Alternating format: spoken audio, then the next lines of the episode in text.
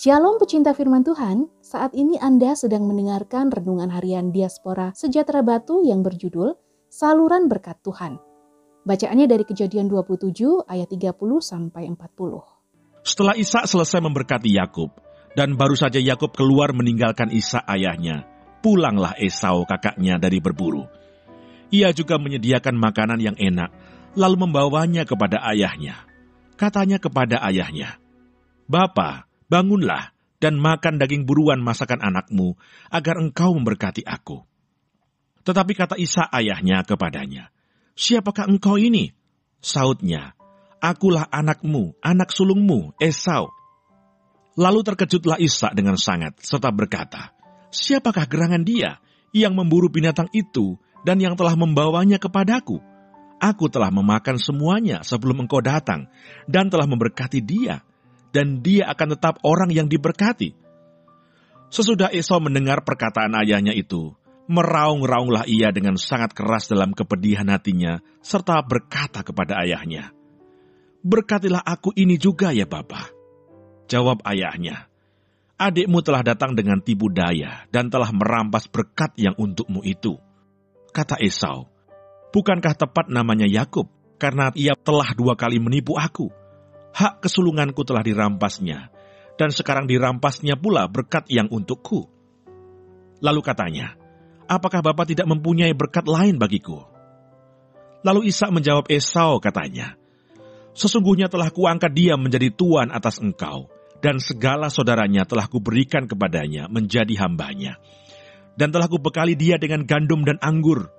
Maka kepadamu, apalagi yang dapat kuberbuat ya anakku?' Kata Esau kepada ayahnya, Hanya berkat yang satu itukah ada padamu ya Bapa? Berkatilah aku ini juga ya Bapa. Dan dengan suara keras menangislah Esau.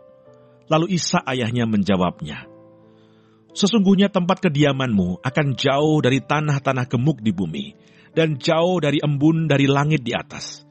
Engkau akan hidup dari pedangmu, dan engkau akan menjadi hamba adikmu tetapi akan terjadi kelak apabila engkau berusaha sungguh-sungguh, maka engkau akan melemparkan kuk itu dari tengkukmu.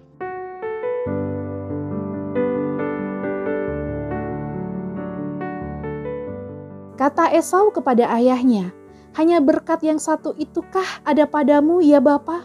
Berkatilah aku ini juga ya Bapa. Dan dengan suara keras menangislah Esau. Kejadian 27 ayat 38. Dari catatan sejarah kehidupan keluarga Ishak, kita bisa melihat bahwa berkat Tuhan diberikan kepada kepala keluarga dan kemudian disalurkan kepada anak keturunannya.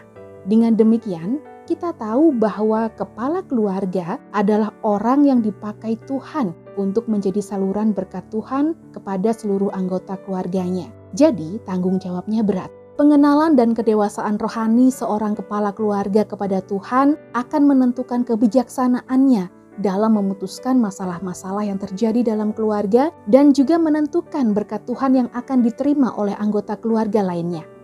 Seorang kepala keluarga merupakan role model, sehingga dia harus memiliki hubungan yang baik dengan Tuhan, dewasa dalam hal kerohanian, memiliki pemahaman yang baik mengenai firman Tuhan, menjalani hidup secara bijak, dan memiliki hubungan yang baik dengan semua anggota keluarga. Mengapa? Karena berhubungan dengan kehidupan spiritual keluarga dan dengan berkat yang Tuhan berikan.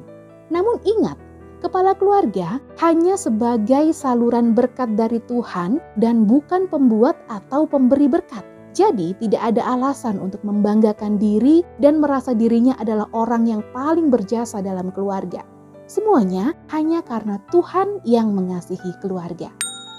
Berkat ada di atas kepala orang benar, tetapi mulut orang fasik menyembunyikan kelaliman. Amsal 10 ayat 6. Tuhan Yesus memberkati.